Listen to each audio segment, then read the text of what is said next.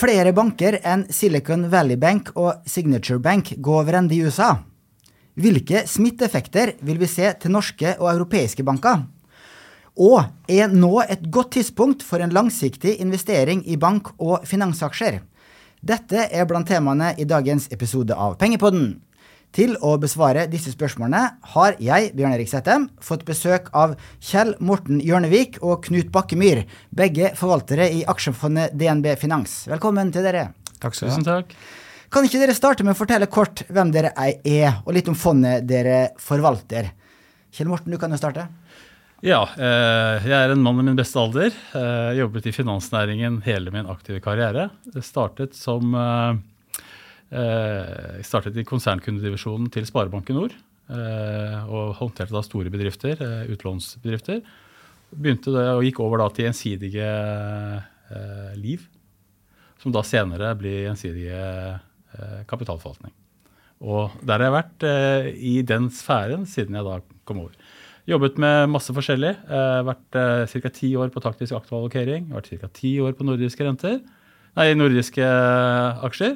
Før jeg da begynte sammen med Knut i, uh, i 2019 på DNB Finans. Ja.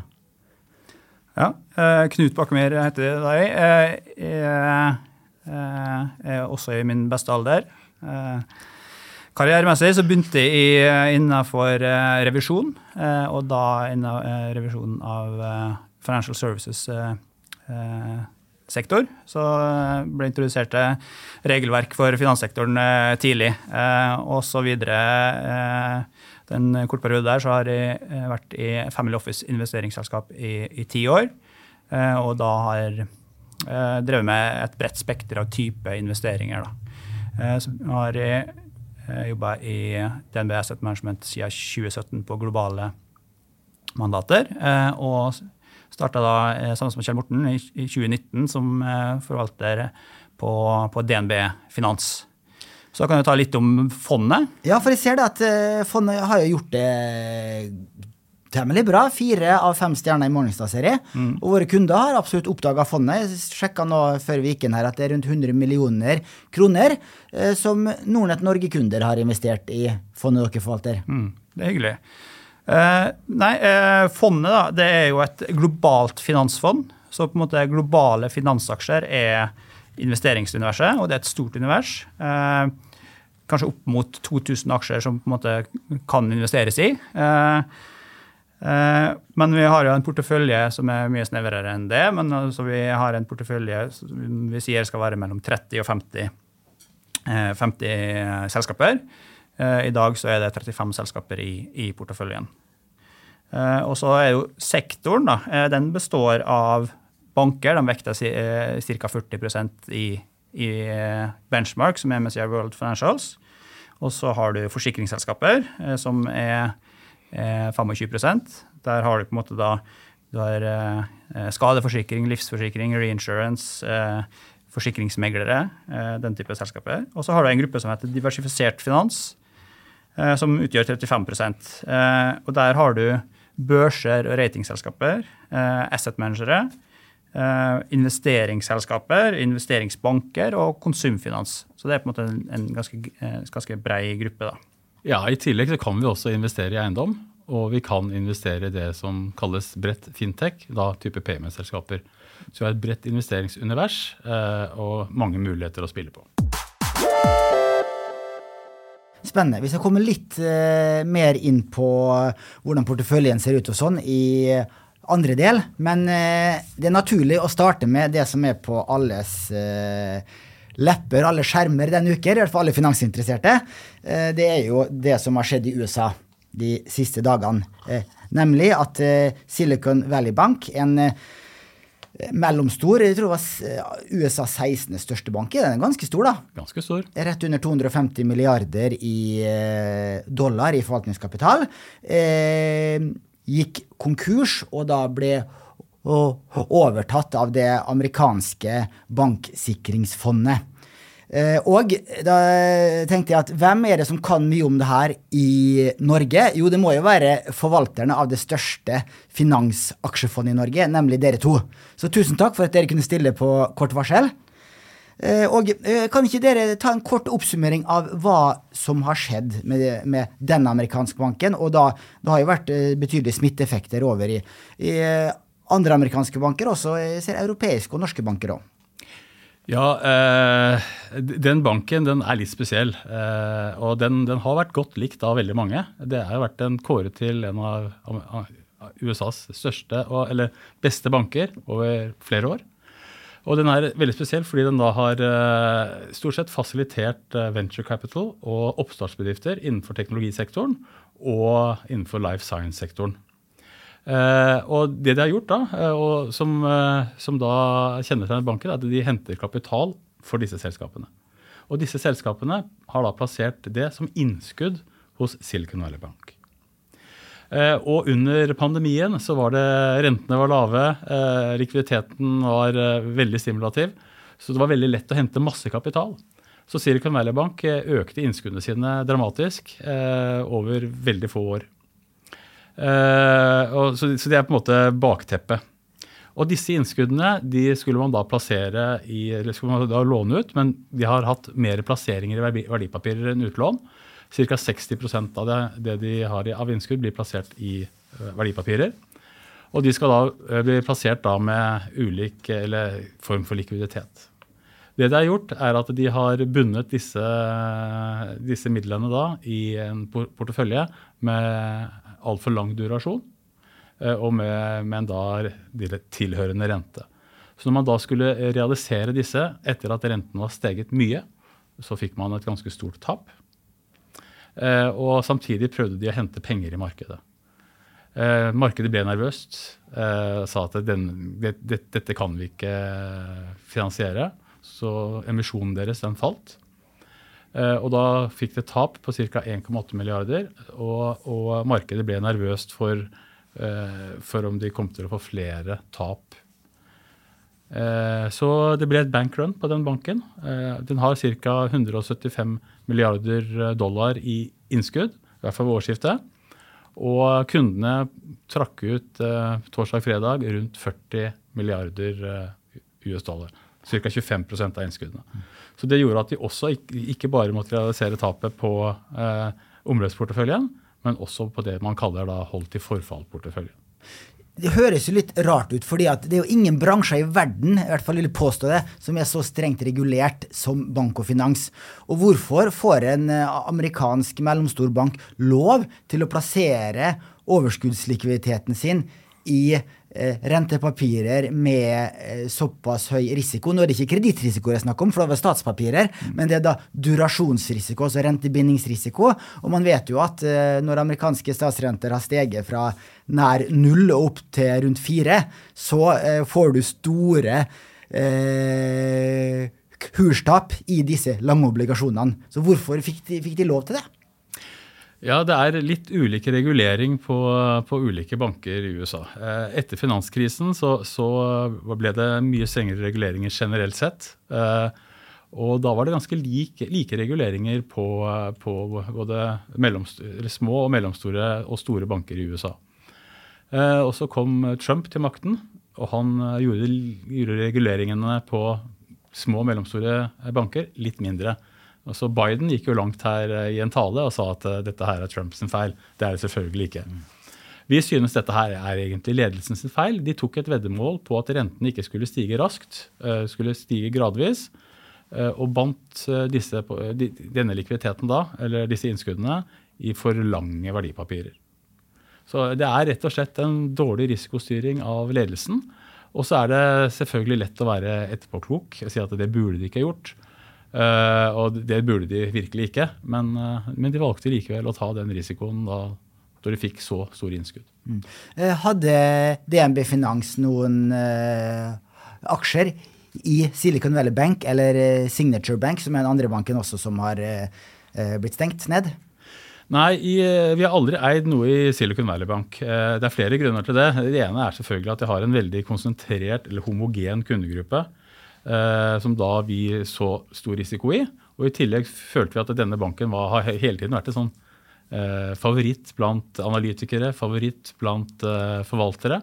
Og vi syntes den var for høyt priset, rett og slett. Eh, Så den har vi holdt oss unna, heldigvis, må man si. Eh, og Signature Bank har vi eid tidligere, men den nå fikk et sånn preg av mer og mer kryptorelatert innskudd, eh, som vi også mente kunne være volatile.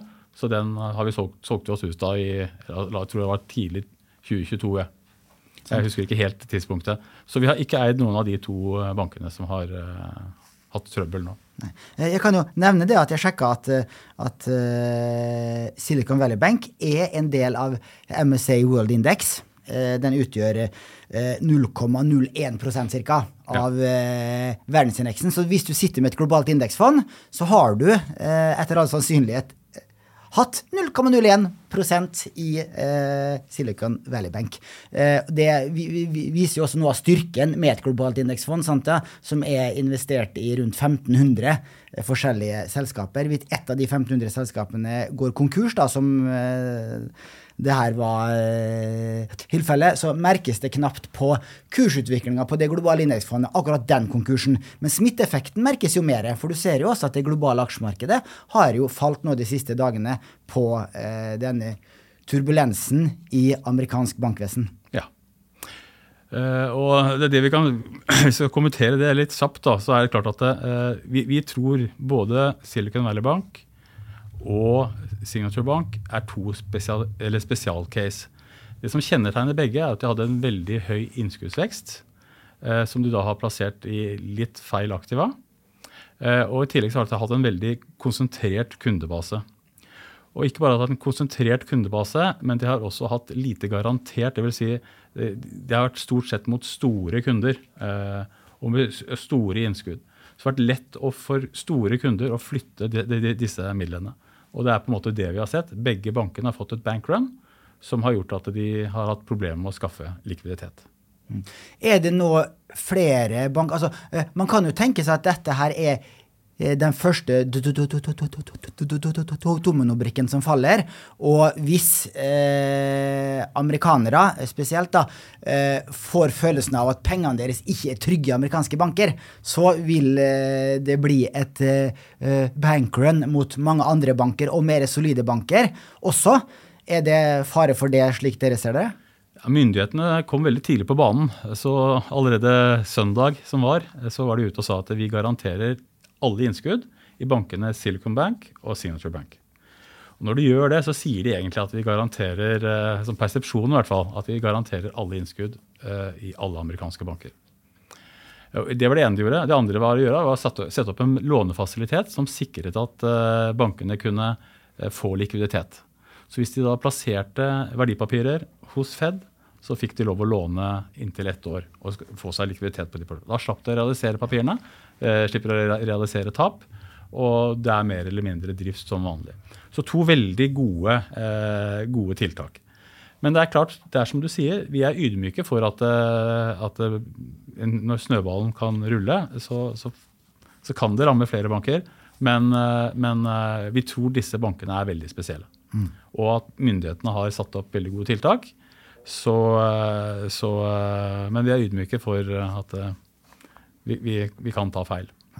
Det høres ut som at de har eh, hatt frem de kraftigste verktøyene de har i verktøykassa si. Den eh, lånefasiliteten i Fed minner jo veldig om eh, det norske myndigheter gjorde under finanskrisen, da eh, finansminister Kristin Halvorsen eh, ga DNB og de andre bankene i Norge eh, gullkortet og sa det samme, at dere kan veksle inn deres eh, rentepapirer som dere har i eh, som dere har invest, eh, som dere, der dere har investert overskuddslikviditeten i kontanter i sentralbanken. Dermed så får vi ikke noe likviditetsskvis. Stemmer ikke det? Det stemmer veldig godt. Og det men eh, hvis vi går tilbake da, da til finanskrisen i USA, så var vel amerikanske myndigheter mye treigere med å komme på banen med kraftige redningspakker den gang. Er, er, det, er det her en lærdom, det at de har vært så raske nå? Er det en lærdom fra finanskrisen, tror dere? Eh, ja, jeg tror absolutt det. Så på en måte, jeg tror playbooka er nå mer satt. eh, og- det eh, så du egentlig eksempel på, på i helgen, med at eh, man, eh, fra fredag til, til søndag kveld så har man tatt over eh, to, to, banker. Man kommer med garantier for innskuddet i de to, to bankene, og man har en, eh, på plass den lånefasiliteten. Eh, så man er mye bedre eh, forberedt nå, og man har agert raskt. Så på en måte i seg sjøl burde det også være litt betryggende eh, for markedet. Det at uh, man sier at man garanterer for bankinnskudd uansett størrelse, det kan jo føre til um, større risikotagning i fremtiden. Da. Ja, det er jo fristende for banker, da, som da ikke er de største bankene, da, som er veldig strengt regulert, men de litt uh, mindre bankene, å ta veldig høy risiko med overskuddslikviditeten for å makse profitt. For man vet at uh, sentralbanken stiller opp hvis det skulle gå åt skogen. Jeg tror nå går det andre veien på, for de mindre bankene. Eh, nå blir nok den oppmykinga som skjedde i, i 2018, den, den, tror jeg reverseres. Sånn at, eh, sånn at, det blir nok eh, strengere for dem som har fått oppmyka regler. Eh, så ja. Sant. Eh, I Europa har vi eh, forskjellige regler her også, på største banker, mindre banker. Altså, kunne det her skjedd i Europa? Her I Europa så er regelverket mer eh, homogent på, eh, for alle. Og så har alle et sånn likviditetskrav som de mindre bankene i USA eh, ikke hadde. Sånn at Europa er regulert mer altså samstemt på, på tvers, sjøl de mindre bankene. Så, så man skal være ydmyk for å si at ting ikke kan skje i Europa også, men jeg eh, mener at situasjonen i Europa er, er annerledes. Og så har du på en måte en, eh, generelt en mer sånn spredt innskuddsbase og, og, sånne ting også. sånn at uh, du ser ikke helt den samme parallellen mot, mot disse mindre bankene i, i USA. Nei. Dere er ikke så skråsikre at dere vil si at nå er faren over. Dette her var et uh, uh, blaff. Og om noen få uker så er det her eh, nærmest glemt. Du har hatt to, to, banker som var veldig spesielle. Du hadde Silvergate og Silicon Valley Bank. Det som har kjennetegnet begge disse bankene, er at de hadde en veldig konsentrasjon på innskuddskundene sine. Så de, de, de syns vi på en måte Jeg skjønner hvorfor. Silvergate det mistet jo 70 av innskuddene sine etter kryptokollapsen. Uh, og, og, Silicon Valley Bank eh, de, eh, de, der det, gikk det rykter om at disse fondene som har investert i disse oppstartsselskapene, sendte brev rundt til, til disse selskapene og sa at nå må dere trekke ut pengene deres, for jeg er litt usikker på, på Silvergate. Så Der forsvant jo da, som sagt tidligere, veldig mye penger ut på veldig kort tid. Eh, de fleste andre banker er, eh, har mye bedre diversifisering eh, på, på innskuddssiden sin. Ja. Så det er altså tre banker, for nå nevnte du Silvergate i tillegg til Signature Bank og Silicon Valley Bank. Er det tre banker som har gått over ende? Nei, eh, Silvergate den gikk ikke helt over ende, men der eh, kom det kraftige signaler fra reguleringsmyndigheter om at de kunne ikke styre risiko. De gjorde, de gjorde mye av det samme. Etter FTX-konkursen, den største børsen på krypto, så mistet de veldig mye innskudd. Eh, og de hadde plassert eh, en del av de innskuddsmidlene i litt for lang durasjon. Men de mistet 70, mistet 70 av sine innskudd. Så de har egentlig bestemt seg bare for å avvikle. Frivillig tvang, kan du gjerne kalle det fra reguleringsmyndighetenes side. Så de er ikke slått konkurs. Men også sånn, hvis man skal se på både Silicon Valley Bank og Signature Bank, så er heller ikke de slått konkurs de er overtatt av uh, reguleringsmyndighetene. Og de har prøvd å selge i hvert fall uh, Silicon Valley Bank til investorer. Uh, så, så, det er en drift der i selskapene, men det er selvfølgelig en styrt drift av reguleringsmyndighetene. For det er vel sånn i Norge også at bank og forsikringsselskap kan ikke gå konkurs, men det blir satt under offentlig administrasjon. La oss snakke litt mer om smitteeffektene.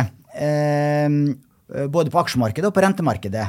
For eh, jeg ser eh, av disse indeksene i USA så er vel finansindeksen, eller bankaksjer spesielt, ned om lag 20 fra toppen i februar, og ned ca. 10% den siste uka. Vi spiller inn det her på onsdag. Den, blir, eh, den podkasten blir lagt ut i morgen på torsdag. Så det er det vi refererer til.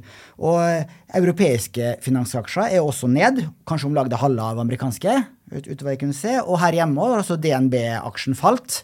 Den har ikke sjekka i dag onsdag, men i hvert fall eh, i går ved sl eh, slutt så var den ned 5-6-7% den siste uka. Er det her om lag det man kan forvente, eller er det et stort innslag av frykt og en overreaksjon av nervøse investorer som gjør at det forventes en betydelig korreksjon opp igjen? Det er, eh, stor, det er, selvfølgelig en stor eh, frykt ute i markedene nå. Det man er redd for, er at du skal få en ny bankkrise à la den vi hadde i 2008. Eh, og, og det, hva vil det medføre? Det vil jo medføre at bankene strammer inn, bygger, bygger kapital, vil ikke låne ut så mye penger.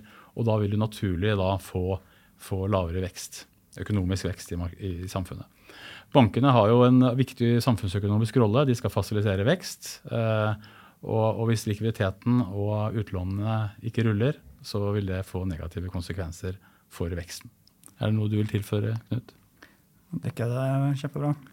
Så, eh, men det er klart at det, gitt den situasjonen vi er i, når du har hatt to banker, og det er jo de, det er eh, nest største og tredje største konkursen i amerikanske banker gjennom tidene, så er det klart at folk blir nervøse. Uh, vi tror uh, dette er enkeltcase. case, og, ikke, og, ikke, kan generaliseres på hele markedet. Da. Men du ser jo at frykten på en måte har jo på en måte det er på en måte frykten som har økt litt, og du ser eh, eh kredittspredder og den type ting eh, går ut. Eh, sånn at eh, investorene vil jo nå ha mer betalt for å, for å ta, ta, risiko.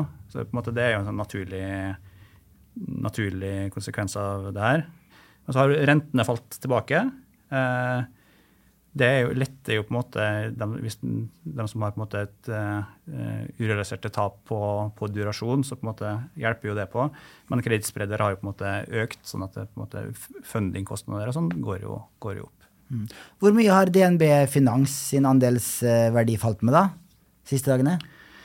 Nei, altså eh, Fondet var vel oppe eh, 14 eh, på Nå snakker jeg om hittil i år i norske mm. kroner. Eh, eh, I begynnelsen av februar, tror jeg.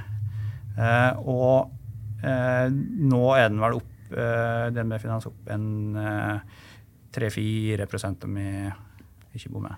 Ja, så ned ca. 10 da, fra, ja, toppen i februar. Toppen, ja. ja. Mm. Og så, men har dere gjort noen rokeringer i porteføljen deres eh, nå de siste dagene som følge av eh, det som har skjedd eh, i USA? Nei, vi har, vi har, ikke gjort veldig store. Vi synes jo eh, Når vi fikk beskjed om at eh, Silicon Valley, Bank gikk konkurs eller ble overtatt av myndighetene, eh, så tenkte vi at dette er et veldig spesielt case. og, vi, vi, og i hvert fall da myndighetene kom ut med å garantere innskuddene og, og i tillegg da lage en lånefasilitet til alle bankene. Og da tenkte at dette, dette blåser fort over. Men eh, samtidig så kom også beskjeden om at Signature Bank eh, ble tatt over av myndighetene. Og den, ikke, den, har også visse, som vi var inne på, den har litt sånn kryptotilnærming eh, og, og, og, har veldig store kunder. Så folk, folk eh, Jeg skjønner at folk ble nervøse der òg, men den er ikke like klar. Så det som, det som vi tror, da, det er at, at den gikk over ennå da, det skapte veldig volatilitet på mandag. Heldigvis så var markedet noe bedre i går. Uh, og i dag så er det vel også i hvert fall noe bedre enn det var på, på mandag. Så, uh, så, uh, så, vi tror tiltakene er gode, og vi tror det er enkeltcase. Mm. Men vi er jo ikke sikre. Som du var inne på, Knut, renten har falt, og da spesielt de lange rentene. Hvis du ser på eh, tiårsstat i USA, som ofte omtales som verdens viktigste rente, den har jo falt fra rundt 4% for en uke siden til eh, 3,5-3,6 eh, nå. Det er jo betydelig fall. Mm. Og eh, det eh, kan jo tolke Og det skyldes jo eh, som regel lavere vekstutsikter fremover. Men det kan kanskje være vel så mye frykt og psykologi og en overreaksjon her også. Ha, ha, har dere noe syn på hvor de lange rentene skal, skal videre? Altså, uh, du tenker på dem uh, På rentene så har de steget de veldig mye i Spesielt i februar.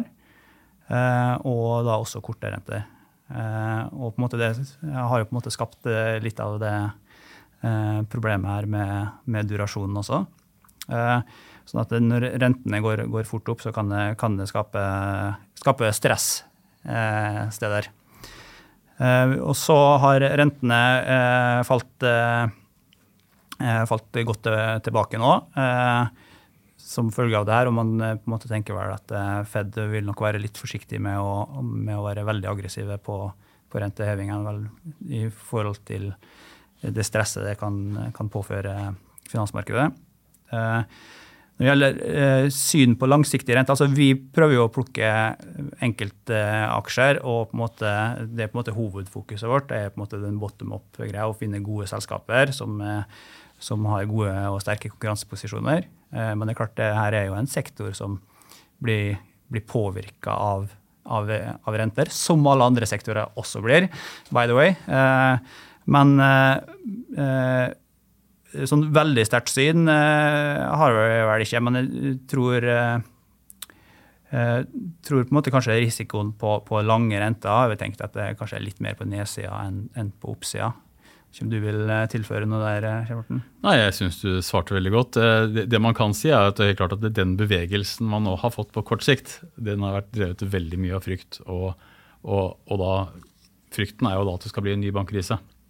Eh, så hvis man, eh, det går noen dager og det ikke får noen flere banker som, som, eh, som, blir overtatt av myndighetene, så vil denne, i hvert fall den umiddelbare frykten da skli sakte over. Men det, det, det er ikke gitt at det skjer. Så, men det er vårt base case at det vil gjøre. Og da, da har sentralbanken sagt at de skal fortsette å heve rentene, for inflasjonen er høy. Mm. Og da vil nok også lange renter skli litt oppover i det korte bildet. Da vi snakka om det kortsiktige, det som har skjedd eh, den siste uka. Da skal vi gå over til å snakke litt mer om eh, langsiktige utsikter for den globale sektoren. Og så skal vi gå litt mer eh, inn på innholdet i DNB Finansfondet. For eh, jeg så i går at ratingbyrået Moody's nedgraderte amerikanske banker fra stable til negativ. Eh, dette er jo typisk et negativt tegn som kan påvirke eh, finansbransjen og finansaksjer sin langsiktige avkastning, i hvert fall på mellomlang sikt. Eh, er det slik at eh, dis, det som har skjedd den siste uka, eh, gir grunn til å være mer pessimistiske eh, når man har på de lange brillene også og ser på eh, finanssektoren. Hvis da en kunde Nå er det litt dumt å spørre en Mercedes-forhandler om man skal kjøpe en Mercedes, og spørre dere som forvaltere om man skal kjøpe DNB Finans og finansaksjer. Men eh, jeg spør likevel. Ja, Vi kan ta et lite resonnement. i hvert fall. Eh, etter finanskrisen eh, så har det blitt veldig mye strengere regler for hele finansnæringen, og spesielt kanskje for banker. De har fått økt krav til egenkapital, økt krav til likviditet, kort og lang. Og de har også fått noe økt krav til, eh, til, eh, til reguleringer på mange områder. Bl.a. hvitvasking, personvern eh, og, og, og, mye annet. Så hele denne bransjen, og spesielt da bankene, har brukt over ti år på å komme opp til et nivå som da myndighetene har krevd. Og la oss si sånn 2019, ca. 1920 så var de mer eller mindre på plass i forhold til de kravene som myndighetene har gitt. Og så har vi vært inne på at eh, eh, kravene har blitt noe myket opp mot små og mellomstore banker i USA. Så dette her er på en måte litt syretesten også da, av det regelverket som har blitt satt på plass. Har det vært et godt nok regelverk, eller må man gjøre tilpasninger eh, i regelverket? Og Vi ser jo at det, det må gjøres noen tilpasninger, spesielt mot de små bankene i USA. Eh, når det er sagt, så er jo dette, dette også priset inn eh, i sektoren. Denne sektoren er eh, veldig lavt, lavt priset og har god direkteavkastning. Og I tillegg må man huske på at det å drive i finansnæringen når rentene er null og negative, det er ikke bra. Vi ønsker å ha et rentenivå som er i hvert fall høyere enn null, gjerne rundt normale renter, som kanskje er et sted mellom 3 og 4% Hva sier du, Knut? Nei, jeg, jeg tenker jo sånn eh, eh Spesielt i Europa, kanskje, eh, hvor måte, man har hatt negative renter over veldig lang tid. Som har vært veldig negativt for, for eh, spesielt banksektoren. Eh, og samtidig hatt eh, stadig strengere regulering som man må tilpasse seg til. så, så har på en måte sektoren, og spesielt da en del banker, blitt veldig upopulære. Eh, sånn at prisinga er lav. Eh, og jeg tror nok at det er, eh, skal litt til for at man går tilbake til negative renter igjen i Europa. Så det at man har positive renter i, i Europa, og det er utsikter til at rentene fortsatt skal stige, er, en game changer. da. Og så tror jeg på en måte også, hvis vi skal dra litt sånn lange linjer på, på, på rente, så er på en måte tror vel litt på den higher for longer-type eh, rente. Jeg tror ikke den, det, det tiåret pluss vi har langt, lagt bak oss nå med eh, ganske jevnt og trutt fallende renter, det som har på en måte da vært fordelaktig for type vekst, vekstselskaper. Eh, jeg tror, jeg tror vi måtte, på en måte ikke får det igjen. Jeg tror på en måte nå er, kommer rentene til å, til å være høyere for, for lenger. og, og higher for longer, som, som man sier. Og eh, man har jo også en del av det, disse globaliseringstrendene som var med å på en måte kanskje drive inflasjonen ned. Det går, går, noe i, går, noe i, revers. og Det er på en måte litt av det grunnen til at jeg tror at, at rentene ikke skal tilbake der de. Sant. Dere er jo et globalt eh, aksjefond. Eh, dere har jo, det har jo vært påfallende store forskjeller på avkastninga på europeiske aksjemarkedet og det amerikanske aksjemarkedet.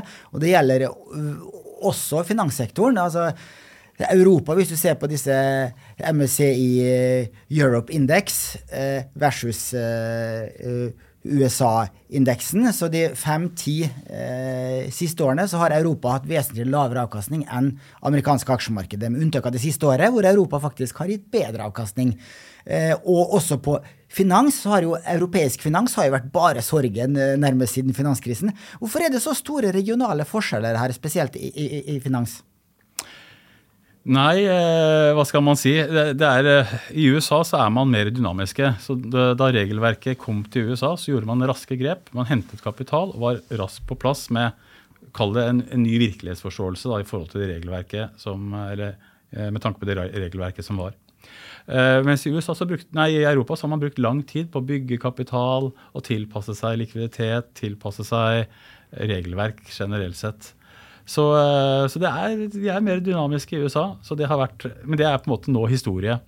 Uh, så ser vi fremover, så, så vi, vi, er også overvektet Europa. Vi syns prisingen på Europa er altfor lav, og mye lavere enn det er i USA. Så vi har tro på at Europa skal klare seg godt fremover. Mm. Men eh, norske banker og norsk finans har jo klart seg mye bedre enn Europa for øvrig. Hvorfor er eh, lønnsomheten eh, og kursutviklinga i norsk finans mye bedre enn eh, europeisk finans? Ja, Norge er et fantastisk land. Vi har lav økonomisk risiko og lav politisk risiko. Og vi har mye penger på bok, som du kjenner til. Så syklene i Norge har, er veldig lav, lav, eller er veldig Eh, ja, de, de svinger, ikke, svinger, ikke, så mye da, i økonomisk vekst. Og Det er et veldig gunstig regime å drive bank og forsikring i. Og I tillegg så er det konsentrerte markeder. Eh, det er, ganske det er ikke så veldig mange banker her som konkurrerer, og det er heller ikke så mange forsikringsselskaper som konkurrerer. Og Det er, eh, det er viktige ting for, for en finansbransje. Eh, vi har vært litt inne på de langsiktige driverne for finanssektoren. Du har sagt at eh, økte renter er en fordel for eh, bankene. Negative renter er vanskelig å drive bank. Med økte renter så kan bankene ta større rentemarginer og få større fortjeneste. Er det andre langsiktige drivere dere ser for finanssektoren? Ja, jeg kan starte, så kan Knut kommentere. Økonomisk vekst generelt sett er viktig for vår sektor. Det er kanskje den sektoren som er mest følsom for økonomisk vekst. Og det i tillegg til renter. Og De, de, to, de, to, tingene henger jo egentlig litt sammen. Men så klart at, som du sier, positive renter gjør at marginene kan være høyere. Og i tillegg så ønsker man da utlånsvekst, og at den skal være stabil. Eh, de andre inntektene til banker spesielt, de er jo drevet av, eh, av, økonomisk vekst, og det er typisk transaksjonsbaserte eh, tjenester.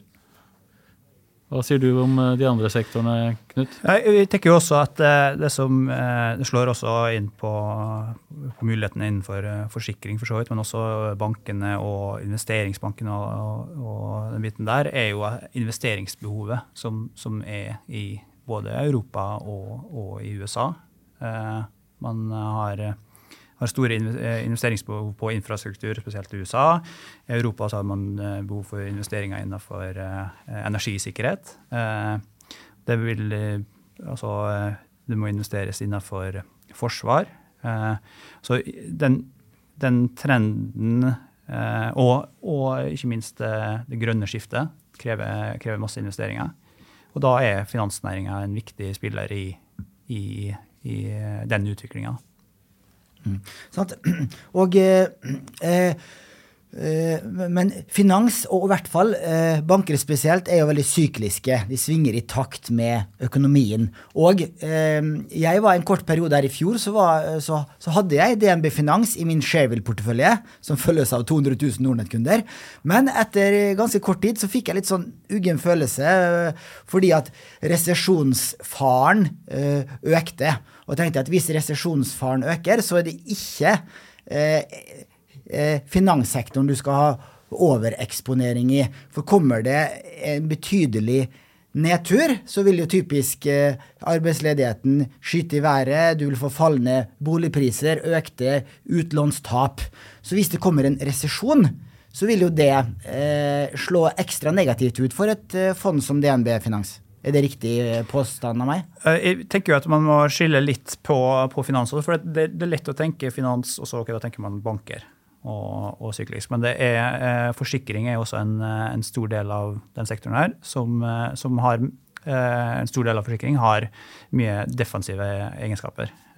Sånn at vi har, vi har si, altså, banker som er rentesensitive kanskje, og, og, og mer sykliske, mens forsikring som er mer defensivt. Og så har vi jo Innenfor diversifisert finans så har vi jo litt mer sånn type kapitallette selskaper. Eh, som, eh, som børsene, f.eks., som typisk tjener på volatilitet. Når volatiliteten øker, så er, det bra, eh, for da blir det mer, mer, trading og mer rettsspørsel etter deres informasjonstjenester. Eh, sånn at sektoren er, er, ikke, det er ikke, det er ikke bare bank, sånn at det er viktig å få fram. Og så tror jeg også det er greit å nevne at det er jo en vi kan jo investere i, i eh, finansteknologi og betalingstjenester. Vi, vi, vi, har på en måte delt en måte, ansvaret av eh, fondet, altså sektoren imellom oss, selv om vi samarbeider eh, i fondet. Så dekker Kjell Morten han dekker bank, eh, forsikring, vi, nei, unnskyld, eh, eiendom, siden vi kan investere i det, men også payments. mens de har da forsikring og diversisert finans. Payments blir jo nå selv om vi har ansett det som en del av investeringsuniverset vårt og, og eh, har investert eh, i det, så kommer det som en del av finanssektoren nå i, i år, i mai. Så, en, så da får du selskaper som Visa, Mastercard, eh, eh, PayPal inn, inn, i sektoren også. Så at sektoren sånn sett blir enda mer eh, diversifisert på, på benchmark-nivå også. da. Mm. Eh, ja, for det, det, jeg leste det at disse, disse betalingsformidlingsselskapene Visa og Mastercard er jo blant verdens største selskaper. og så De er nummer fire og fem på den eh, MSA Information Technology Index i dag. Når de flytter over til eh, finansindeksen til eh, blir det i, i mitt hode det er sikkert mange flere teknologifond enn det er finansfond. Blir det netto salg da, av disse selskapene, slik at Visa og Mastercard Men det har jo vært kjent en stund, så det er kanskje ikke noe, noe som vil påvirke kursen i de selskapene? De analysene vi har sett, uh, tilsier at dette ikke kommer til å uh, bety så veldig mye. Og uh, Hvis du er et teknologifond som har investert i Visa og Mastercard, så regner jeg med at du får lov til å investere i de eh, også fremover. Så frem til ikke et indeksfond, da. Hvis du er et indeksfond, så skifter du egentlig bare sektor fra teknologi til bank. Mm. Så der får du veldig liten innvirkning, da. Sant. Nettopp. Eh, for eh, når vi er inne på fondet deres, hvilke eh, Dere har fortalt litt om det, men hvis dere skal oppsummere investeringsstrategien til DNB Finans, dere har snakka om hvor dere investerer, men er dere, er dere Finans er jo en defensiv sektor generelt, men er dere enda mer defensive enn nøytralvekt skulle, skulle tilsi, f.eks.? Hvordan er investeringsstrategien? Nei, altså, eh, eh, I forhold til hvordan vi er posisjonert nå, så er jo som Kjell Morten sier, vi har eh, eh undervekta eh, eh, diversified og en liten undervekt på, på bank. Og så har vi en overvekt på, på, forsikring. Så sånn sett så er på en måte litt defensivt eh, tilnærma på, på liksom, innretninga på portefølje. da. Når du ser på industrigruppenivå. Mm. Og eh, eh, EMB-teknologi, som kanskje har vært flaggskipfondet til eh, DNB Asset Management i mange år, de har jo uttalt at de er defensive. De, de har eh, lavere eh, PE og PB eh, i sitt fond enn referanseindeksen, og det har de hatt i veldig mange år. Er dere uttalt uh, det defensive i en defensiv sektor, eller kan det her endres neste måned? Nei, vi, eh, vi, eh, vi, ønsker ikke å ha veldig store faktorisker. Verken makrofaktorer eller stilfaktorer. Vi ønsker å ta mest mulig bedriftsspesifikk risiko, eller da selskapsspesifikk risiko. Og det er også det vi får signaler fra våre risikomodeller at vi gjør. Så, så vi, vi, ønsker å ha en eh, relativt konsentrert portefølje over tid. Og at den skal være eh, mest forklart av selskapsvalgene vi gjør i porteføljen, istedenfor av ulike typer risikofaktorer. Jeg tenker på filosofien vår. Da, altså, det er jo at det er den underliggende verdien i selskapene som, som, som driver aksjekursene over tid. Eh, så vi er veldig opptatt av eh, verdiskapningsevnen til selskapene eh, og robustheten i den og, verd, og prøve å verdsette den på en fornuftig måte. Eh, så vi er ikke noe sånn som er eh, verdiinvestor eller eh, vekstinvestor eller sånn. Vi prøver å finne eh, best mulige forretningsmodeller eh, til best mulige priser. Eh, fortell kort om de fem største posisjonene i fondet, og hvorfor en setning hvorfor de liker disse selskapene. Ja, jeg kan vel starte. Det er vanskelig å komme utenfor Bank of America. Eh, det er en stor amerikansk bank, en av de største. Eh, og den har en, sånn som vi har sett på det, en mer defensiv tilnærming eh, enn da mange av de andre store bankene. Og er mer, mer amerikansk enn en, en mange av de andre store. Og de har vært, Etter finanskrisen så har de gjort et stort håndverk da på risikostyringsevne. Og har tatt, også sånn som vi observerer det, mindre risiko enn veldig mange andre. Så vi hadde sett for oss at den skulle være ganske stabil, og mer stabil enn mange av de andre aksjene. Så det er det ene jeg vil trekke fram. Eh, det er stor amerikansk eksponering, kanskje den største vi har i fondet akkurat nå. Eh, det andre selskapet som jeg vil trekke fram, det er eh, Bavag, som er en liten østerriksk bank siden du nevnte Norge, Norden her i sted. Den er en bank som, har, som driver i DAC-regionen, dvs. Si Østerrike, Tyskland og, og, og Sveits. Kun i, i, regulerte markeder og i OECD-området. Eh, er priset på en PE på, på litt, over seks og har en, har en uh, prisbok som er litt over én. Hvis du sammenligner med nordiske selskaper eller nordiske banker, så er de priset kanskje på en PE på rundt 9 og en prisbok som er veldig lik. Men da, Bavag har da en høyere avkastning på investert kapital, en ROE, enn de nordiske, nordiske aktørene. Og er minst like stabil og har mer mot stabile segmenter. Og er priset mye rimeligere. Så vi synes det er en god forretningsmodell. Et par til? Ja, jeg kan uh, ta eh, AXA, da, som er et, eh, et forsikringsselskap. Eh, et fransk forsikringsselskap. Man har eh, mye virksomhet i Europa, men også, også, globalt. Det er et selskap som har vært gjennom en transformasjon til å være eh, veldig hatt mye vekt mot livsforsikring og, og eh, den type eh, produkter. Eh, og mer sånn type renterisiko og litt kredittrisiko til å bli en mer, eh, mer stabil eh, skadeforsikringsvirksomhet. Er, eh, så den har på en måte endra litt profil. og blitt, har nå en forretningsmodell som er mye mer stabil. Og de har eh, en amerikansk virksomhet som på en måte de har klart å, å snudd, som har hatt eh, problemer.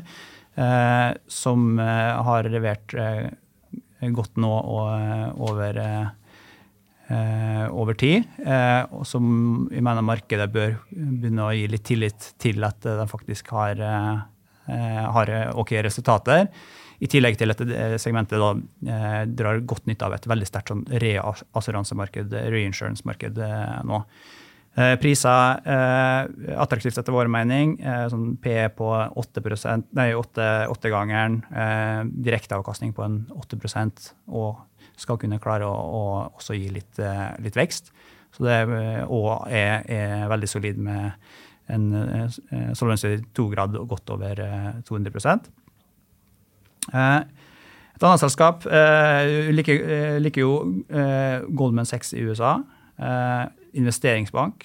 Du ser det at de store investeringsbankene tar markedsandel. Det blir mer og mer altså Det er jo noe med regulering, men det er også noe med teknologikrav for på en måte å, å drive i den bransjen der. Og Goldman har, er veldig sterke innafor kapitalmarkedsvirksomheten sin.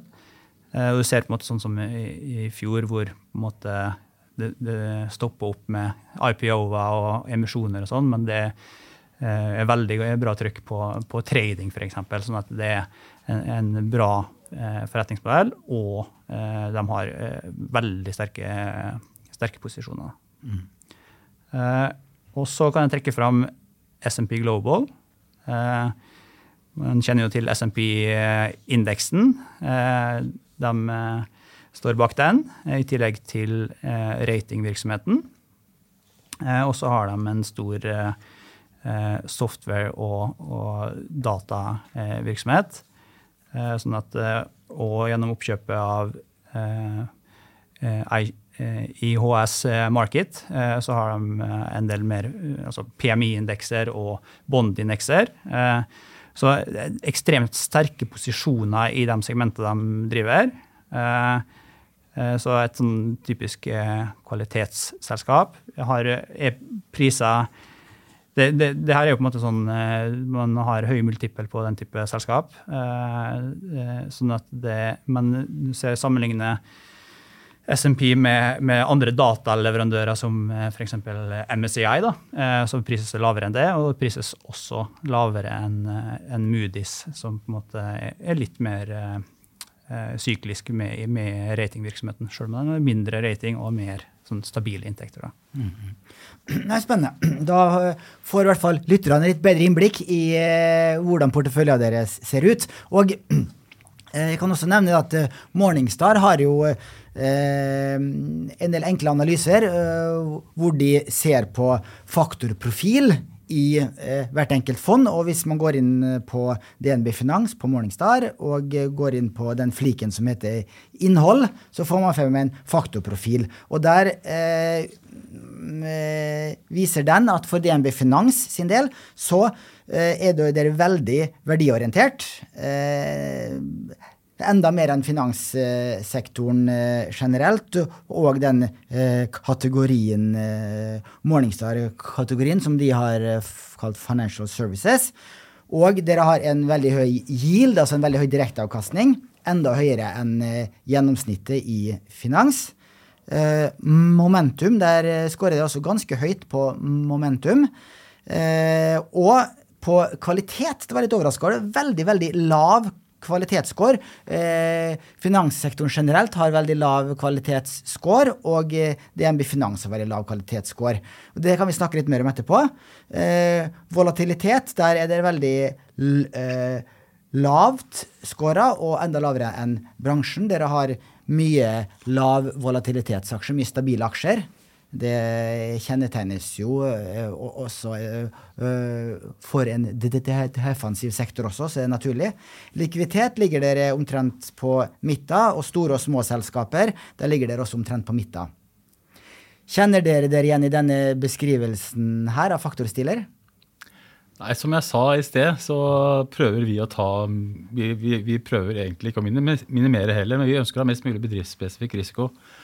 Og av de eh, analyseverktøyene vi bruker, vi har vårt eget som vi kaller Worldport, og så bruker vi også Bloomberg, så det viser at vi har egentlig veldig få, eller veldig små faktortilter i våre fond. I forhold til finanssektoren generelt? I forhold til finanssektoren. Fordi finanssektoren har veldig faktortilt? Finanssektoren har faktortilt, men i forhold til vår referanse så har vi lav eh, faktortilt. Så, men vi skal absolutt ta deg på ordet og sjekke opp, eh, sjekke opp Morningstar sin også. Mm. Sant, for... Uh, akkurat det med kvalitetssektor, eller eh, det med kvalitetsfaktoren, synes jeg er interessant. For at eh, kvalitet eh, alle vil jo ha kvalitet på alle livets områder. Mm. Og eh, det, eh, den måten MSCI definerer kvalitet på, det er at de har tre kjennetegn. Det er high return on equity, altså høy roe, og stable year over year earnings growth.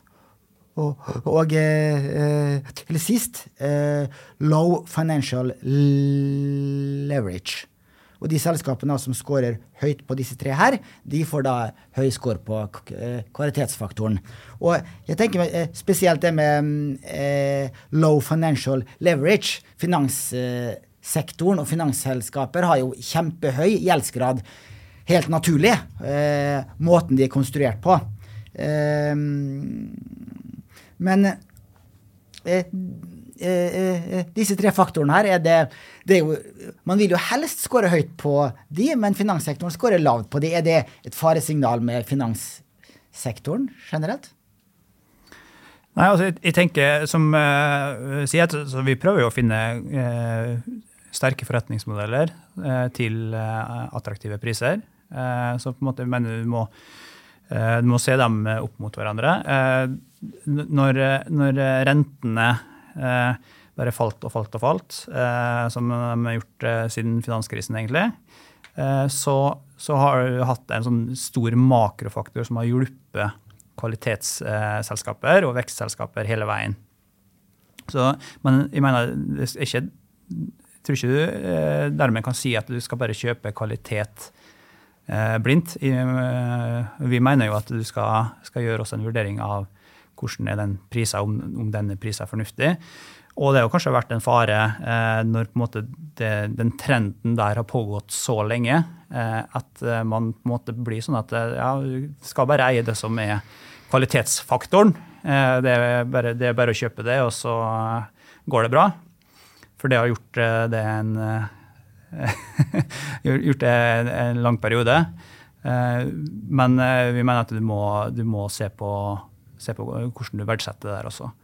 Som det er sagt, så er jo verdiskapning er veldig viktig eh, greier i våre modeller. Og eh, vi har også kvantitativ eh, vurdering av verdiskapningsevne på selskapene våre som vi følger. Eh, hvor på en måte eh, noe av det samme som MSCI eh, har som input, vektlegger vi også. Mm -hmm. Eh, eh, noen ord også om denne eh, gilden, altså direkteavkastninga. Eh, hvor mye gilder altså gir deres portefølje nå i, i øyeblikket cirka i årlig aksjeutbytter? Eh, da kan jeg si noe. Eh, når vi snakker om direkteavkastning, så pleier vi å si at det består både av dividend og tilbakekjøp av egne aksjer. I, eh, I, porteføljen som helhet nå så har vi da en dividend yield som eh, er ca. 4% og I tillegg så vet vi at amerikanske eh, selskaper de liker å kjøpe tilbake aksjer og betale ut heller mindre dividender. Så hvis du ser på totaldealen med både dividend deal og, og, og tilbakekjøp av egne aksjer, så er vi ganske sikre på at vi er den sektoren som har høyest direkteavkastning. Og som du også sa i sted, så sa du at ok, i en resesjon bør man, bør man uh, ha en eksponering mot vår sektor. Jeg fikk ikke ordet akkurat da, så nå tar jeg det nå. så vil jeg også si at jeg, jeg, tror faktisk finanssektoren den er jo prisa som om de er i resesjon. Mens resten av markedet er ikke prisa som om vi er i en resesjon.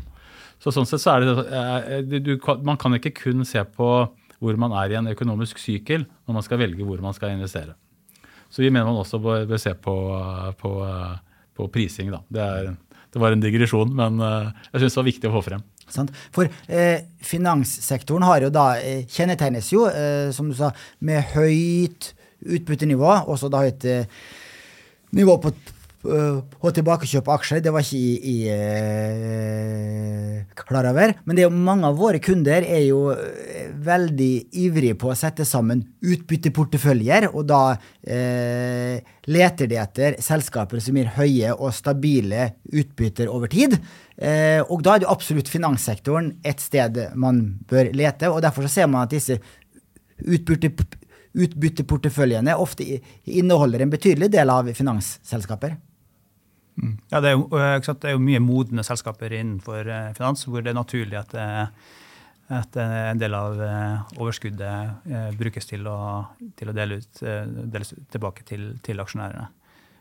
Så, og du vil, jo, du vil jo på en måte altså et forsikringsselskap eller en bank det på en måte er Du kan jo si at det kan være lett å vokse også, for det er jo bare å være litt, driver litt eh, svakt på, på underwriting-standardene dine. Bare ha dem lavt, så, så får, du, får, du, kunder.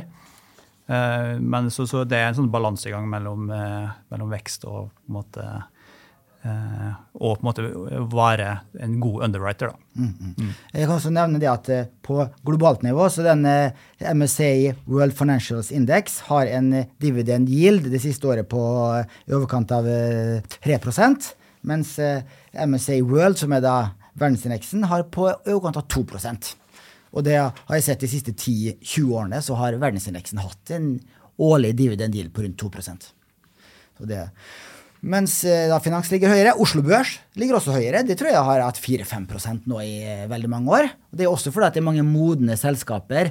Eh, stor eh, andel energiselskaper sant, med høye overskudd, som da gir høyere utbytter. Eh, vi skal straks gå inn for landing. Eh, et siste punkt på lista mi. Vi snakka jo om de langsiktige driverne for finanssektoren. Vi må jo snakke litt om hvilke eh, langsiktige trusler som finanssektoren står overfor også. Og i mitt hode så tenker jeg at eh, det er jo en del nye fintech-selskaper som kan eh, true tradisjonelle banker med eh, nye betalingsløsninger. Det kan være Apple Pay har jo sin egen betalingsløsning nå. Kan den true Visa og Mastercard? Du har Roadlending, hvor du har eh, mindre slike crowdfunding-plattformer eh, eh, som gir lån, mest til næringslivet, mest til eiendom i dag. Men jeg har også sett sånne eh, peer-to-peer privatpersons eh, crowdlending-plattformer. Det kan jo være en trussel inn i fremtiden. Også reguleringer. Eh, det farligste vi gjør i finansbransjen nå, det er å kunne skjære seg på et papir. Det er jo ingenting, er, ingenting av risiko som er lov lenger, nærmest. Hvordan vil dere oppsummere de viktigste truslene? Da vi startet uh, i finans, uh, overtok Finansfondet, uh, så var både Knut og jeg litt engstelige for den konkurransen, spesielt fra fintech og de store teknologiselskapene. Den utviklingen vi egentlig har sett, er at de store teknologiselskapene, som du nevner, da, Apple, Amazon, de går mer i dialog med, med, finansaktører for å skape produkter. Og Grunnen til det er jo, som du har vært inne på, eh, reguleringer. Eh, og De har sett at eh, det å bli regulert som et finansforetak det er eh, ikke ønskelig for mange teknologiselskaper. De ønsker å være kapitallette. Eh, her får man krav til kapitalkrav, eller hvor mye egenkapital du skal ha. Og I tillegg så er det selvfølgelig et sånn hvitvasking er noe som har rammet banker eh, hardt de siste årene. Eh, også de nordiske. Eh, og de, de, de teknologiselskapene som, som, skal da være innenfor finanssektoren, de vil da, da få det samme regelverket. Så, og I tillegg til det så kommer mange av de eh, naturlige finansselskapene, altså vi kaller det PME-selskapene, kommer da over i vår sektor.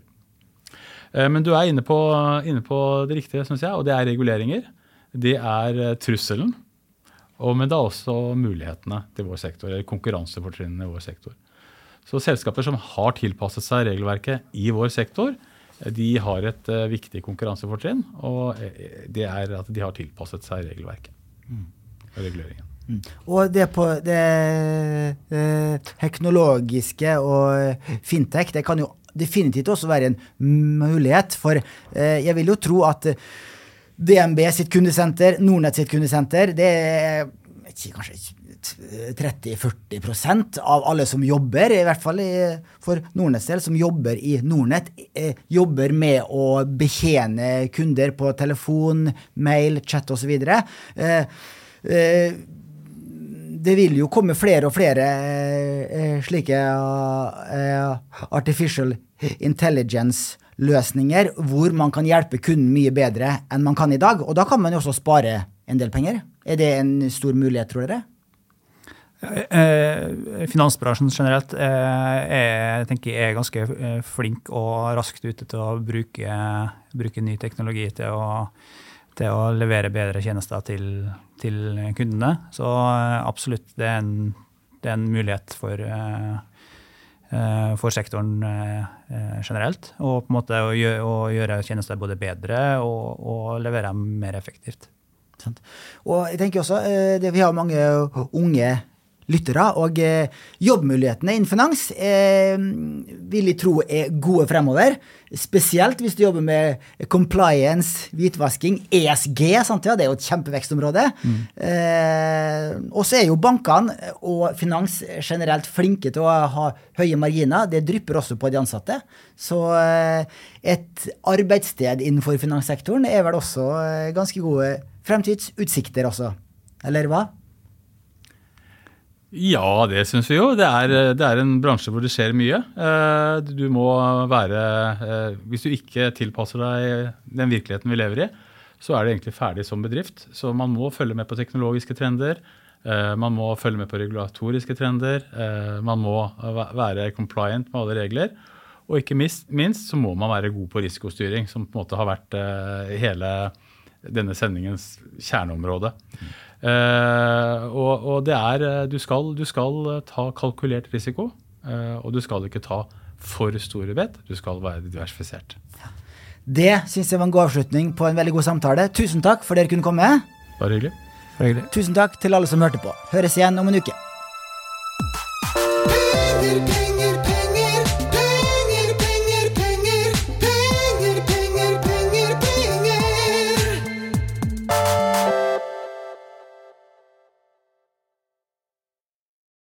Denne podkasten skal anses som markedsføringsmateriell, og innholdet må ikke oppfattes som en investeringsanbefaling. Podkasten er kun ment til inspirasjon og informasjonsformål. Nornett tar ikke ansvar for eventuelle tap som måtte oppstå ved bruk av informasjonen i denne podkasten. Les mer på disclaimer på nornett.no.